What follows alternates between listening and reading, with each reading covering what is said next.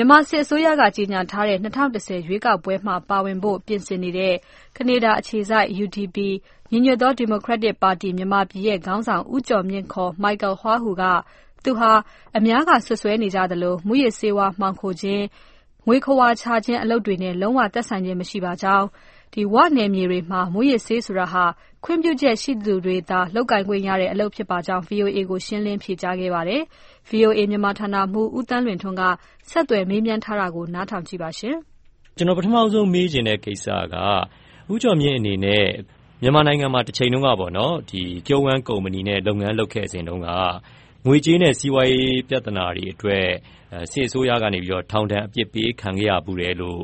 စွပ်စွဲထားတာတွေ ရှိပါတယ်။ အဲဒါနဲ့ ပတ်သက်ပြီး နည်းနည်းလေး ရှင်းပြပါလား။အဲဒီအချိန်က ဘာကြောင့်မို့လို့ဦးကျော်မြင့်အနေနဲ့ ထောင်ဒဏ်အပြစ်ပေး ခံခဲ့ရတာလဲခင်ဗျ။ကျနော် ၉၇ ခုနှစ်တုန်းက စစ်အစိုးရရဲ့ ပြဿနာဖြစ်တာ ငွေရေးကြေး စီးပွားရေးပြဿနာ မဟုတ်ဘူး။အဲဒါ အဓိက နိုင်ငံရေးပါ။နိုင်ငံရေးဆိုတာ၅ညပေါ့။ကျနော်တို့ ငွေရေးကြေး စီးပွားရေး ထောင်ဒဏ်ချတာ မရှိပါဘူး။သူတို့ချထားတာ၅ညနိုင်ငံတော်ဆန့်ကျင်မှုပေါ့အဲဒါလေးထောင်ဒဏ်ချတာပါ ခင်ဗျ။အဲဒီ၅ညကဘာကြောင့်ချတာလဲခင်ဗျ။ကျနော်စာဖြန့်တာပေါ့နော်။အဲဒီအချိန်မှာစစ်အစိုးရရဲ့တချို့အားနည်းချက်ပေါ့။နောက်ပြီးတော့ပြည်သူအစိုးရတခုလိုပါတယ်လို့အဲဒီစာဖြန့်တယ်။ပြီးတော့တချို့ပါဝါတွေလည်းဒေါ်အောင်ဆန်းစုကြည်တို့လွှဲပေးဖို့လိုပါတယ်အဲဒါမျိုးစာဖြန့်တာပါ။ဟုတ်ကဲ့အဲဒါကိုကျနော်အင်တာနက်မှာဖြန့်တဲ့ဦးအောင်ခင်ဆိုတဲ့သူတယောက်ရေးထားတဲ့စာထဲမှာလည်းကျနော်ဖတ်လိုက်ရပါတယ်။ ဦးကျော်မြင့်အနေနဲ့ အဲဒီအချိန်က ဗိုလ်ချုပ်မှူးကြီးသန်းရွှေကို တိုက်ရိုက်စကားပြောပြီးတော့ မြန်မာစစ်အစိုးရအနေနဲ့ ဒေါ်အောင်ဆန်းစုကြည်နဲ့ အာဏာခွဲဝေပေးဖို့ လိုအပ်တယ်ဆိုတဲ့အကြောင်းကို တိုက်တွန်းခဲ့တယ်လို့ ရေးထားတာ တွေ့ပါတယ်ခင်ဗျ။အဲဒါ ဟုတ်ပါသလား။ဟုတ်ပါတယ်ခင်ဗျ။ကျနော် စာလည်းတင်ထားပါတယ်သူဆီမှာ။ကိုယ်တိုင်ရော စကားပြောခဲ့သလားခင်ဗျ။ကိုယ်တိုင် အဲဒါမျိုးကတော့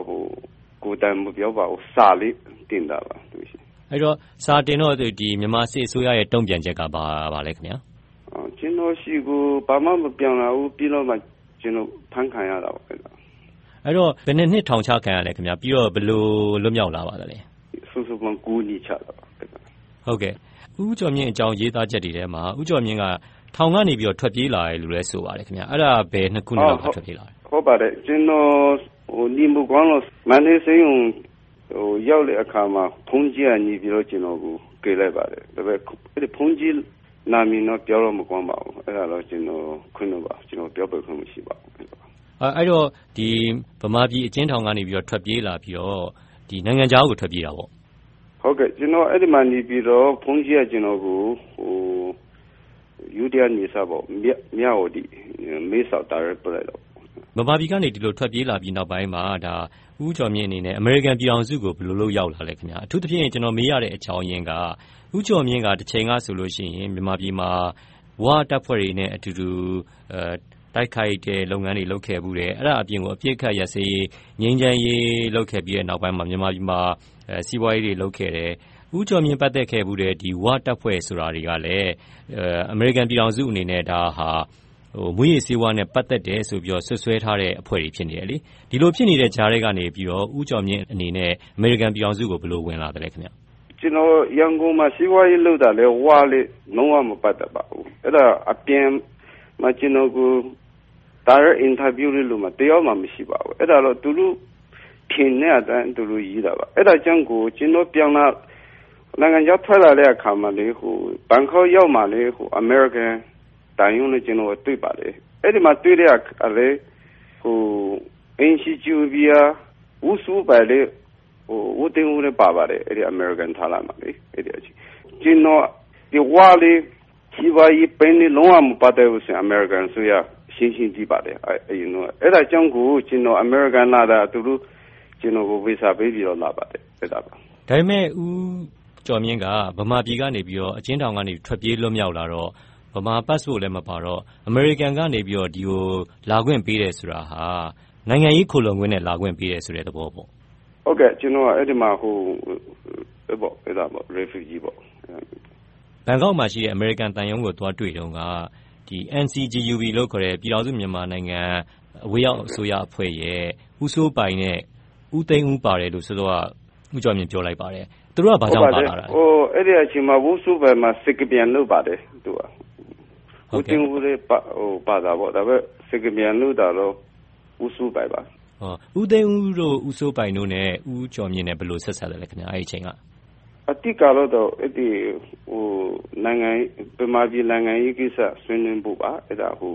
လူတယောက်မှကြားမှာနေပြီးတော့ကျနော့်ကိုသူတို့ဂုဏ်တိုက်လုပ်ပေးလိုက်တာပါ။အဲဒါပါ။ကျနော်အခုမေးနေတဲ့အကြောင်းကဘန်ကောက်မှာရှိတဲ့အမေရိကန်သံရုံးနဲ့သွားတွေ့တဲ့အချိန်မှာ NCGUB အမျိုးသားညွန့်ပေါင်းအစိုးရက ဦးသိန်းဦးပါ လိုက်ပါလာပြီးတော့ ဆောင်ရွက်ပေးတယ်ဆိုတော့ ဘယ်လိုအကြောင်းခြင်းရာမျိုးနဲ့ ပြည်ထောင်စုမြန်မာနိုင်ငံ အမျိုးသားညွန့်ပေါင်းအစိုးရကနေ ဝင်ပြီးပါပြီး ဆောင်ရွက်ပေးရတာလဲ။အဓိကတော့ သူတို့လည်း အဲဒီအချိန်မှာ ကျနော်လည်း ပူးပေါင်းပြီးတော့ ပုဂ္ဂိုလ်အနေနဲ့ ဒီမိုကရေစီလုပ်ငန်းကို လုပ်စရာရှိလို့ သွားပြီးတော့ လုပ်စေချင်တဲ့သဘောမျိုးပေါ့။ အဲဒီအချိန်မှာ။အဲဒီတော့ ဦးကျော်မြင့် အမေရိကန်ပြည်ထောင်စုကို လာဖို့အရေးကို ပြည်ထောင်စုမြန်မာနိုင်ငံ အမျိုးသားညွန့်ပေါင်းအစိုးရက ထောက်ခံပေးတယ်ဆိုတဲ့ သဘောလား။အဲဒီဟာတော့သူတို့ မပြောပါဘူး။သူတို့ကသူတို့လိုက်သွားတာ ဦးစိုးပိုင်လိုက်သွားတာ ကျနော်ပြောချင်တယ်တော့ စကားပြန်လုပ်ပေးတာ။ထောက်ခံတယ်လို့ အမေရိကန်လာဖို့အတွက်တော့အဲဒါတော့ သူတို့ လုပ်ပေးတာ မရှိပါဘူး။ဦးသိန်းဦးကရော ဒါဆိုရင်။ဦးသိန်းဦးလည်း သူတို့တော့ပုဂ္ဂိုလ်အနေနဲ့ပေါ့ကျနော်ဩစတြေးလျသွားဖို့ဖြစ်ဖြစ်တခြားလိုအပ်တော့သူကတော်တော်ကူညီပါတယ်။အဲဒါပေါ့။ဘာကြောင့်မို့ဦးကျော်မြင့်ကိုသူကကူညီရတာလဲ။ကျနော်လည်းသူတို့ကူညီတာလည်းကျနော်လည်းပြည်တွင်းမှာလည်းတိုင်းရင်းသားခေါင်းဆောင်တယောက်အနေနဲ့ပြီးတော့ကျနော်တို့လည်းအဲဒီ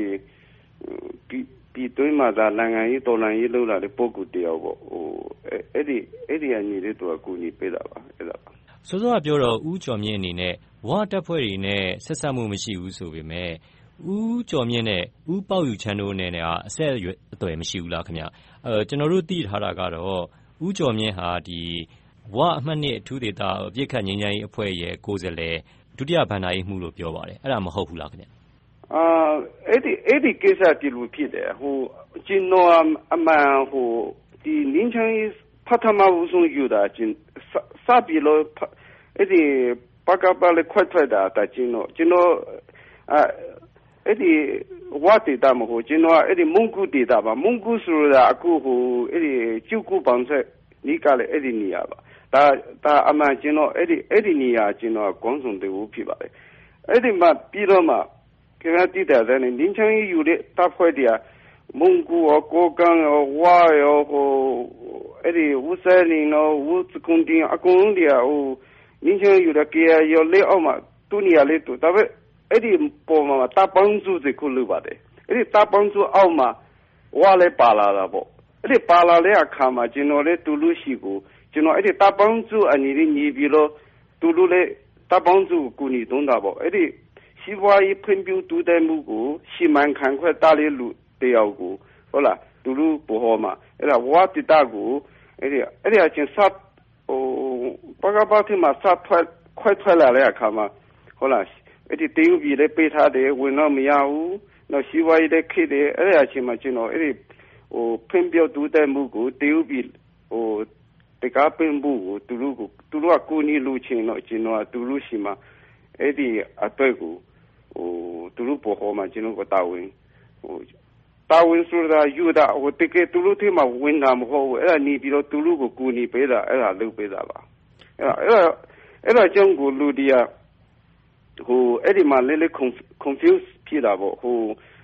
ဝ ဝ ဝ အမှန် ကျနော်ဝမဟုတ်ဘူး အဲဒီလိုပေါ့။အဲဒီတော့ ၁၉၉၃ ခုနှစ်မှာ ဦးကျော်မြင့်က ရန်ကုန်မြို့ကို ရောက်လာတယ်။အဲဒီမှာ ဦးကျော်မြင့်ကိုယ်တိုင် ကျုံးဝမ်ကုမ္ပဏီ ထူထောင်တယ်။ ဟုတ်ကဲ့ဟုတ်ပါတယ်။အဲဒီတော့ အဲဒီကုမ္ပဏီထူထောင်တော့ ဦးကျော်မြင့်အနေနဲ့ ဘယ်လိုအရင်းအနှီးတွေများ မတည်ခဲ့သလဲ။ကျနော် အရင်တုန်းကနီဆမှာနီဆကုန်သွယ်ရေးဆိုပြီးတည်တယ်။ကျနော်က တရုတ်ပြည်ထဲကုန်တွေက မြန်မာပြည်သွင်းတာ။မြန်မာပြည်ကကုန်ကအဲဒီမူဆယ် ကြူကုပေါင်းဆက်တရုတ်ပြည် ဝမ်တိန်း အဲဒီ Border Trade လို့ခေါ်တာ။အဲဒီမှာ ကျနော် border trade လုပ်တယ်နောက်ပြီးတော့အိမ်ကကျွန်တော်ကြောက်စင်းနှုတ်တယ်ဟိုနောက်တတ်ထူးတွေလည်းတူးတယ်အဲ့ဒီနေစားမှာလောဟိုတိတိလုပ်ငန်းတွေလည်းကျွန်တော်ဒေသဒီမှာအဲ့ဒါတွေတချို့သေးတယ်ဟိုအရင်တော့ကကျွန်တော်တို့ရရကလေးငွေရရန်ကုန်ရောက်လာတော့မှအဲ့ဒီငွေရကျွန်တော်အဲ့ဒီတွင်ရန်ကုမ္ပဏီကိုထိုးထုံတာအဲ့ဒါပါဟုတ်ကဲ့အဲ့ဒီငွေအရင်းကြီးတွေကဒီဘက်ကအများ စုရဲ့ အပြောအရဆိုလို့ရှိရင်ဒါမှောင်ခိုလုပ်ငန်းကြောက်စိမ်းမှောင်ခိုလုပ်ငန်း ဒါအပြင်ကိုဒီမူရစေဝါလုပ်ငန်းတွေကနေရတဲ့ ငွေမဲတွေဖြစ်ပြီးတော့ ဒီငွေမဲတွေကို ငွေပြူဖြစ်အောင်ခွာချတဲ့ ဟန်ပြလုပ်ငန်းတစ်ခုအဖြစ် ပြောကြားထားတာတချို့ ရှိပါတယ်ဒါ money laundering business ပေါ့နော်အဲ့ဒါနဲ့ ပတ်သက်လို့ရောဦးကျော်မြင့်အနေနဲ့ ဘယ်လိုညှင်းချက်ထုတ်နိုင်တယ်လဲခင်ဗျာဒီလောက်များပြတဲ့ အရင်းနှီးငွေတွေဟာ ချက်ချင်းကြီး မြို့ပေါ်ကိုဒါဘယ်လိုလုပ် ရောက်လာနိုင်တယ်လဲ အဲ့ဒါလို့မဟုတ်ဘူးဗျခင်ဗျာ ကျွန်တော်တို့ဒေတာဒီမှာဟိုကျွန်တော်တို့အဲ့ဒီအယောင်ဝင်လို့ပေါ်တာထရေးလေးကျွန်တော်တို့ အခွင့်ပေးပါတယ် ခင်ဗျာအဲ့ဒီ PC မှာအဲ့ဒီဝင်လာလဲမှာလည်း gas tank ရှိတယ်ရီးရှိတယ်လာဝက ရှိတယ် အဲ့ဒါ အခွင့်ပေးပြီးသားလေးပတ်စံကို ဝင်ပေးပြောလို့ မရဘူး အဲ့ဒါလေးကျွန်တော်အထောက်ထားတွေ ရှိပါတယ်အင်းတော့ဆိုထုတ်ပြတာတည်းလောက်တခုလေးကျွန်တော်တို့ အဲ့ဒီ data ကျွန်တော်တို့ကိုပန်အုပ်ချုပ်ရေး data လို့ ခေါ်ပါတယ် ကိုပန်အုပ်ချုပ်ရေးဆိုတာခင်ဗျာရှိဝါရေးလုပ်ရင်လည်း ကျွန်တော်တို့ အဲ့ဒီ data မှာ ကျွန်တော်တို့အခွင့်ပေးပါတယ်အဲ့ဒါလေးတစ်တအစိုးရအညီတွေဟိုတရားဝင်ခွင့်ပြုရင်းငွေဖြစ်ပါတယ်အဲ့ဒါလည်းဝင်မေးပြောလို့မရပါဘူးနောက်ပြီးတော့ဒီဒီတထူလို့ဒီလုပ်ငန်းလုပ်တာဒါတေယူဒီပေးလာမီလို့တန်ချုံနေတွင်းတာအဲ့ဒါပုံမှန်နီး business ပဲဒါဒီ American ခင်ဗျာလည်းတမျိုး business တွေလုပ်လို့ရတာပဲအခွင့်ပေးအဲ့ဒါဟိုမကောင်းတဲ့လုပ်ငန်းပြောလို့မရပါဘူးဒါတခုနောက်တစ်ခုလည်းအဲ့ဒီ data လေးပိန်းမှလူတန်းကြလို့မရဘူးဟို တူလန်းတူနီလေးဟို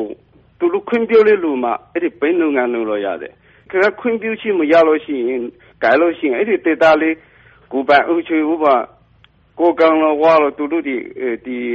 ဟိုဒေတာအုပ်ချုပ်ကြီးပေါ့အဲ့ဒါလည်းထုံတန်ချတယ်ဘိန်းလူတန်းတော့ကြိုင်လို့မရဘူးကျင်းတော့တေတိုင်လုံးအဲ့ဒီအဲ့ဒီလမ်းလေးမတော်ဘူးကျင်းတော့ခုလာပြီးတော့ကြောက်စင်းတော့ဟိုအဲ့ဒီပြည်လုံငန်းလို့ပေါ်တာဆွေတော့အဲ့ဒါ အပြင်နဲ့လူထင်ထားတဲ့အဲ့ဘင်းလုံးကလူတန်းသွားလို့လို့ရမရဘူး လုံးဝမရဘူး ဒါကြောင့်ကိုအဲ့ဒီဒေတာရဲ့ အချင်းအတိဆုံးမှာဒါ American နေဟိုအဲ့ဒီဒီအဲတော့ဒီဒီဘေသူတို့ agency လာအတိဆုံးပဲ အဲ့ဒါပါ အဲ့တော့ ဦးကျော်မြင့်ကိုဒီ DEA တို့ ဒီအဖွဲ့အစည်းတွေက ကူညီခဲ့တာ ရှိသလားခင်ဗျရှိပါတယ်ခင်ဗျရန်ကုန်မှာ အဲ့တော့ ကူညီခဲ့ပေးပြီးတော့ သူတို့က အမေရိကန်ကိုရောက်အောင်သူတို့ထောက်ခံပေးခဲ့တယ်ပေါ့ ဟုတ်ပါတယ်ခင်ဗျ ဦးကျော်မြင့်အနေနဲ့ အမေရိကန်ကို ရောက်လာပြီးတဲ့နောက်ပိုင်းမှာ ဝါရှင်တန်မြို့တော်မှာရှိတဲ့ မြန်မာသံရုံးကို လာရောက်ဆက်သွယ်ပြီးတော့ သံအမတ်ကြီး ဦးလင်းမြိုင်နဲ့ တွေ့ခဲ့ဖူးတယ်လို့ ကျနော်တို့ သိရပါတယ်။အဲဒီအချိန်က ဦးကျော်မြင့်အနေနဲ့ တရုတ်စီးပွားရေးအဖွဲ့တခုကို ခေါ်ဆောင်လာပြီးတော့ တရုတ်ပြည်နဲ့ ဆက်ဆံ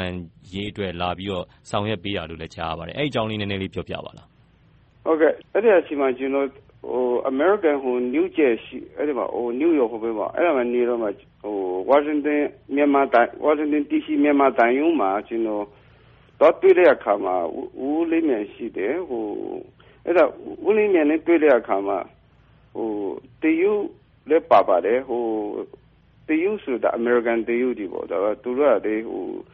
ဗမာပြည်စီးပွားရေးကိုစိတ်ဝင်စားတော့ကျွန်တော်ခေါ်သွားတယ်ဒါပေမဲ့ အဲ့ဒါစီးပွားရေးကိစ္စပြောရေးတွေလေဟိုဒါသူတို့ဒါပေမဲ့ကျွန်တော်တကယ်အဲ့ဒီမှာတတ်တတ်သွားတာတော့ဒါဟိုဦးလေးမြန်တော့သူတို့ကကျွန်တော်ကိုပြန်ပြီးတော့ခေါ်စီခြင်းတော့ပမာပြည်ကိုအဲ့တော့ဦးကျော်မြင့်ကဆက်သွယ်တာလားဒီမြန်မာတန်ယုံကနေပြီးတော့ဦးကျော်ဦးကျော်မြင့်ကိုဟိုစတင်ဆက်သွယ်လာတာလားတယူဟို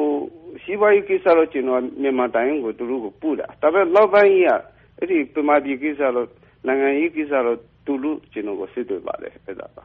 ဟုတ်ကဲ့ကျွန်တော်ကိုစစ်တွေ့တာပါ အဲ့တော့ ဦးကျော်မြင့်အနေနဲ့ဒီဟိုမြန်မာတန်ယုံကို ဆက်သွယ်ရတဲ့ အကြောင်းရင်းကဟိုမြန်မာနိုင်ငံမှာ လွတ်ငင်းချမ်းသာခွင့် ပြန်လိုချင်လို့လားခင်ဗျ မဟုတ်ပါဘူး ကျွန်တော်ဟိုစစ်တွေ့တာအဲ့ဒီအစအဲ့ဒီတယူကသူတို့ကဟိုပမာပမာဒီရှိဝိုင်းနေစားရှိဝိုင်းကိုလှုပ်ချင်တော့ ကျွန်တော်အမြန်အမှန် ကျွန်တော်လေသူတို့ကိုလေးလေးလှုပ်ပေးလိုက်ရင် ပြီးပြီ ကျွန်တော်လေ နောက်ပိုင်းသူတို့စစ်ကျွန်တော်လည်းဟိုပမာပြီးဖြစ်မှန်တဲ့အကြောင်းကိုဟိုပမာပြီးအခုဟိုဒီနိုင်ငံရေးကိစ္စဟိုတန်းပြီးဟိုတူတဲ့စီချင်းတော့ကျွန်တော်လည်းဟိုလူကြီးချမ်းသာခွင့်လုပ်ချင်မဟုတ်ပါဘူးကျွန်တော်လည်းပြောလိုက်တယ်ဟိုဖြစ်ကျွန်တော်တန်းပြီးမှာဟိုဒုတဲ့စီချင်းပေါ့အဲ့ဒါအဲ့ဒါမျိုးစိတ်ကလည်းသူတို့ကိုလေးလေး ပြောစေချင်တယ် အဲ့ဒါပါ ဦးကျော်မြင့်အနေနဲ့ အခု ကနေဒါကို ပြောင်းရွှေ့သွားပြီးနောက်ပိုင်းမှာ UDP လို့ခေါ်တဲ့ United Democratic Party ကို ထူထောင်ပြီးတော့ မြန်မာနိုင်ငံမှာ ပြန်ပြီးတော့ ဒီပါတီအနေနဲ့ ရွေးကောက်ပွဲဝင်ဖို့ ပြင်ဆင်နေတယ်လို့လည်း ဆိုတယ်လေ။အဲဒီတော့ ဦးကျော်မြင့်အနေနဲ့ မြန်မာနိုင်ငံကနေပြီးတော့ အကျဉ်းထောင်ကနေ ထွက်ပြေးလာခဲ့တဲ့ လူတယောက်ကို မြန်မာနိုင်ငံ စစ်အစိုးရအနေနဲ့ ပြန်ပြီးတော့ လိုလိုလားလား လက်ခံနိုင်ပါ့မလား။အထူးသဖြင့် ဦးကျော်မြင့်ကို လွတ်ငြိမ်းချမ်းသာခွင့်ပေးဖို့ သူတို့မှာ ရည်ရွယ်ချက်များရှိသလား။လွတ်ငြိမ်းချမ်းသာခွင့်တော့သူတို့ပေးမပေးတော့သူတို့ပဲ။ကျနော်တော့အဓိကဒီ၂၀၁၀ခုနှစ်ရွေးကောက်ပွဲလုပ်မယ်ဆိုရင်ဒါကောင်းတဲ့ကိစ္စ။ဒါကြောင့်ကိုနအဖမှာဒီဟာကျနော်ထောက်ခံပါတယ်။ကျနော်ထောက်ခံတယ်ဆိုတာ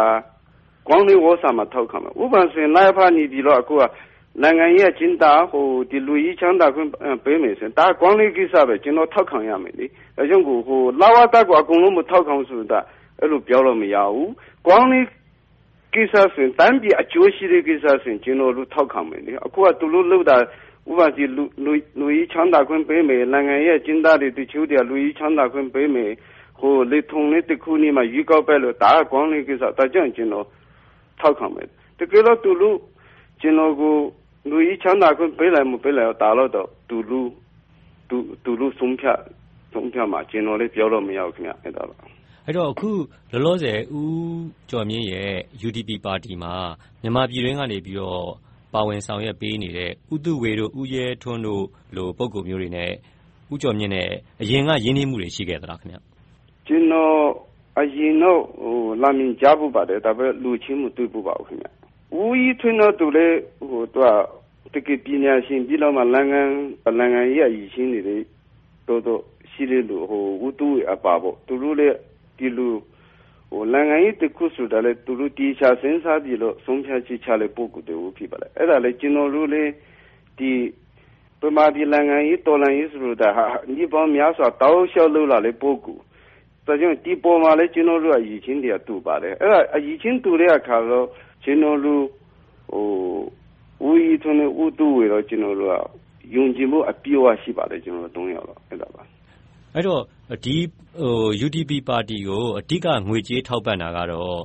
ဦးကျော်မြင့်ရဲ့ ငွေကြေးသက်သက်ပဲပေါ့နော်။အခုလောလောဆယ်က။ငွေကြေးထောက်ပံ့တာတော့ ကျနော်လည်း ပါပါတယ်။ဒါပေမဲ့ တော်တော်များများတွေက ကျနော်တယောက်တည်းဆိုရင် ထောက်ပံ့လို့လည်း မရပါဘူး။အခုက ကျနော် အဓိက ကျနော်ပတ်သက်တဲ့ ပုဂ္ဂိုလ်များပေါ့။ဥပမာ တရုတ်ပြည်တို့တချို့ အမေရိကန် စီးပွားရေးရှင်တွေတော့ကနေဒါပြည်မှာရှိတဲ့ စီးပွားရေး တချို့ association တွေတော့ကျနော်တို့ ပံ့ပိုးပါတယ်။ကနေဒါပြည်မှာရှိတဲ့ အဲဒါ သူတို့က ကျနော်ပုဂ္ဂိုလ်ရေး မြင်တော့ သူတို့က သူတို့ပံ့ပိုးတာပါ။သူတို့ကအစိုးရကနေပြောလာတာမဟုတ်ပါဘူး။လောလောဆယ်ဗမာပြည်တွင်းမှာရှိနေတဲ့အပစ်အခတ်ရပ်စဲထားတဲ့တိုင်းရင်းသားအဖွဲ့အစည်းတွေ၊ကချင်အဖွဲ့တို့၊ဝအဖွဲ့တို့နဲ့ UDP ပါတီနဲ့အခုဘယ်လိုဆက်သွယ်နေသလဲ။ကျနော်တို့ UDP ပါတီလည်းဒီလိုတိုက်ရိုက်ပြောတာတော့မရှိပါဘူး။ဒါပေမဲ့ပုဂ္ဂိုလ်အနေနဲ့ကျနော်သူတို့ လည်းပြောပါတယ်။ UDP နာမည်လည်းပြောတာပေါ့။ဒါပေမဲ့ UDP တရားဝင်နေပြီလို့သူတို့လည်းဒီလိုကမ်းလှမ်းတာတော့မရှိပါဘူး။ပုဂ္ဂိုလ်အနေနဲ့တော့ကျနော်ရှိပါတယ်။ငြိမ်းချမ်းရေးတပ်ဖွဲ့တောင်ပိုင်းမဟုတ်ဘူး။တောင်ပိုင်း KNU အဖွဲ့တော့ကျနော်သိပ်မသိဘူး။အရင်တုန်းကဗိုလ်ချုပ်မြ ကျနော် ဘန်ကောက်ရောက်တုန်းကမှဗမာပြည်ထွက်လာတော့အဲဒါတခါ မဲဆောက်မှာ အစည်းအဝေးလုပ်တာ။အဲဒါလည်း အိမ်ရှင် GOB ဦးသိန်းဦး ပါပါတယ်။အဲဒီအစည်းအဝေး။ဒါပေမဲ့ အဲဒီအဖွဲ့တော့ မဟုတ်ဘူး။အဓိကတော့မြောက်ပိုင်းပါ။ဒီမြောက်ပိုင်းအဖွဲ့တော့ ကျနော်တို့ ပုဂ္ဂိုလ်အနေနဲ့ ကျနော်တို့ အများတန်း စိတ်ဆန်ပါတယ်။အဲဒီတော့ ဦးကျော်မြင့်တို့ရဲ့ UDP ပါတီက ကိုယ်စားလှယ်တယောက်က အခု ရန်ကုန်ကို သွားနေပြီးတော့ ရန်ကုန်မှာ နေပြည်တော်က မြန်မာစစ်အစိုးရခေါင်းဆောင်ပိုင်းနဲ့ အရာရှိတချို့နဲ့ ညှိနှိုင်းပြီးတော့ UDP ပါတီကို ဗမာပြည်မှာ တရားဝင်ထူထောင်ခွင့်ရအောင် ညှိနှိုင်းနေတယ်လို့လည်း ကြားရပါတယ်။အဲဒါ ဟုတ်သလား။အဲဒါဆိုရင် UDP ပါတီကို မြန်မာနိုင်ငံမှာ လက်ခံလိမ့်မယ်လို့မျှော်လင့်ထားလား။အခုတော့ တရားဝင် နေပြည်တော်မှာ နေပြည်လို့ သူတို့ အမေရိကန်ရှိတဲ့တန်ယုံမှာ စာတစုံလာပါတယ်ဟိုနေထုံနေတစေခုနီမှာ UDP ဝင်ဖို့အတွက် အဲ့ဒီ ဟိုယူကောက်ပဲလေဟိုဟိုသူတို့ကယူကောက်ပဲကော်မရှင်လေးရှင်းရှင်းကအရာဟိုသူတို့ကတဘောတူပါတယ်ဟိုအဲ့ဒီရှင်းရှင်းကဟိုတမချီအရာပေါ့ဟို UDP အဲ့ဒီလေထုံလေးစေခုနီမှာယူကောက်ပဲဝင်ဖို့ သူတို့တဘောတူလေဟိုတရားဝင်စာ ကျွန်တော်တို့ရှိရောက်လာပါတယ်ဟုတ်ဟုတ်ပါတယ်ခင်ဗျ အဲ့ဒါက ဘယ်ကနေ ပို့ပြရလဲခင်ဗျ ဝါရှင်တန် DC မြန်မာတိုင်ယုံပါ ဒီဒီတော့သူတို့ကို ညွန်ကြတာ အဲ့တော့ ဦးကျော်မြင့်ကိုယ်တိုင်ရော မြန်မာနိုင်ငံကို ဘယ်တော့ပြန်မလဲခင်ဗျ ကျွန်တော် လောလောဆယ်တော့ဟိုပြပမှာကျွန်တော်လုပ်ငန်းဒီဟုတ်လားဟိုလုပ်ငန်းဒီရှိတော့ဟိုလောလောဆယ်တော့ကျွန်တော်ပြပမှာကျွန်တော်တာဝန်ယူထားပါတယ်ဟိုဒါကြောင့် ကျွန်တော်ကျွန်တော်လောလောဆယ်တော့ကျွန်တော် မပြောပါဒါပေမဲ့ ကျွန်တော်တို့ ဥက္ကဋ္ဌဦးတူဝေလို့တူဥက္ကဋ္ဌဦးကြီးထင်းတော့အထွေထွေတွင်းမှုဦးကျော်မှုတော့ဟိုသူတို့တုံးရောက်အဲ့ဒီမှာရင်ထားပါကျွန်တော်တို့ UDP လောလောဆယ်နိုင်ငံခြားတာဝန်မှာသူတို့ကကျွန်တော်ကိုပေးထားပါတယ်အဲ့ဒါပါဟုတ်ကဲ့အဲ့တော့အခုလက်ရှိအားဖြင့်ဆိုလို့ရှိရင်ပြီးခဲ့တဲ့ရက်ပိုင်းအတွင်းကပဲ Vancouver Sun သတင်းစာမှာရေးထားတဲ့သတင်းတစ်ပုဒ်အရဦးကျော်မြင့်ထူထောင်ထားတဲ့ Future Canada China Environment Company ပေါ့နော်ဒီကု မ္ပဏီကငွေရေးကြေးရေးအရ Stock Share ဈေးကွက်မှာ မသမာမှုတချို့ တွေ့ရတယ်ဆိုပြီးတော့ US Security and Stock Exchange Commission ကနေပြီးတော့လုပ်ငန်းတွေ ရပ်ဆိုင်းထားတယ်။စုံစမ်းစစ်ဆေးမှုတွေ လုပ်နေတယ်လို့ ရေးသားထားပါတယ်။ဦးကျော်မြင့်တို့အနေနဲ့ ဒီကိစ္စကို စုံစမ်းစစ်ဆေးမှု ခံနေရတယ်ဆိုတာ တကယ်ပဲလားခင်ဗျ။အဲဒီ Future Canada China Environment Company ဟာ British Columbia ဟို Canada မှာကျွန်တော် register လုပ်ထားတဲ့ company တခုဖြစ်တယ်။အဲဒီ company ရဲ့နာမည်က American ဟို store ရဲ့နာမည်တူလို့အဲဒါသူ confuse ဖြစ်တော့အဲဒါဟိုဒီ company နဲ့ home company ကဘာမှမပတ်သက်ဘူး။နာမည်တူလို့ဘာကြောင့်လဲတရုတ်နာမည်ဆိုတာဟိုဒီလိုမုံရင်တရုတ်နာမည်အဲဒါတရုတ်နာမည်ဟိုအင်္ဂလိပ်လိုပြန်တဲ့အခါမှာဒီလို future Canada China အဲဒါတော့ကုမ္ပဏီလာမင်တူလို့သူမရေးတာဟိုအမှန်ဒီကျွန်တော်ဒီကုမ္ပဏီကဒါဒီ ဒီ local public company မဟုတ်ဘူးဒီ Vancouver company သူကထင်ထားတယ်အဲ့ဒီအဲ့ဒီ American store ရှိတဲ့ FCCE ပေါ့ခေါ်လာတော့အတူကအဲ့ဒီ FCCE ဒီ company တခုတည်းတော့သူထင်တာသူရေးတာအဲ့ဒါအဲ့ဒါသူရေးမှထားတယ်အဲ့ဒါတော့အဲ့ဒီ Vancouver Sun နဲ့တည်တင်းထောက်မှာကျွန်တော်လည်းတွေ့ပြီးပြီအဲ့ဒါသူသူပြောတာတချို့သူအထင်လွဲပြီးတော့သူက အမေရိကန်ကုမ္ပဏီတွေ ဘန်ကောကကုမ္ပဏီကိုတွဲရတာ အဲ့တော့ ကုမ္ပဏီနှစ်ခုက နာမည်တူနေတဲ့ ကုမ္ပဏီနှစ်ခုကို ဦးကျော်မြင့်နဲ့ လုံးဝမပတ်သက်တဲ့ ကုမ္ပဏီတစ်ခုနဲ့ မှားယွင်းပြီး ရေးတယ်လို့ဒီ Vancouver Sun သတင်းတောက် David Bain ကအဲတရားဝင် ဦးကျော်မြင့်ကို တောင်းပန်ထားပြီးပြီလားခင်ဗျ သူပြန်ရေးမယ်ဟိုပြန်ပြီးတော့ ပြင်မယ်အဲ့ဒါဟိုအခု ဒီကိစ္စမှာ ဦးဦးကျော်မှုမှာသူလေဟိုစိတ်လို့ပါတယ် အဲ့ဒါလေသူကပြောတယ်သူပြန်ပြီးတော့ဟို track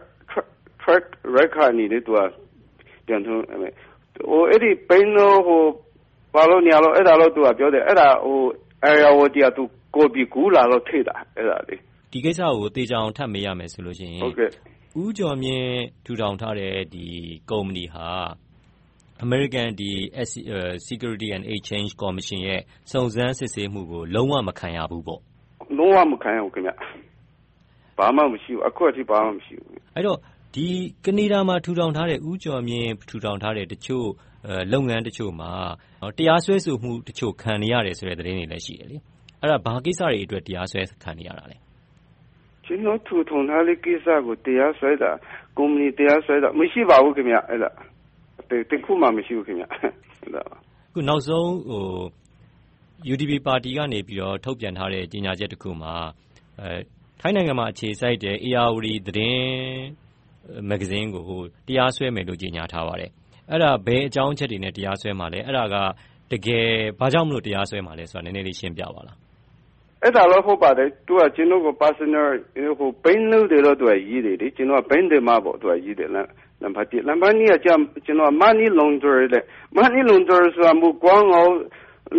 ပိုက်ဆံတော့ဟိုဟိုပိန်း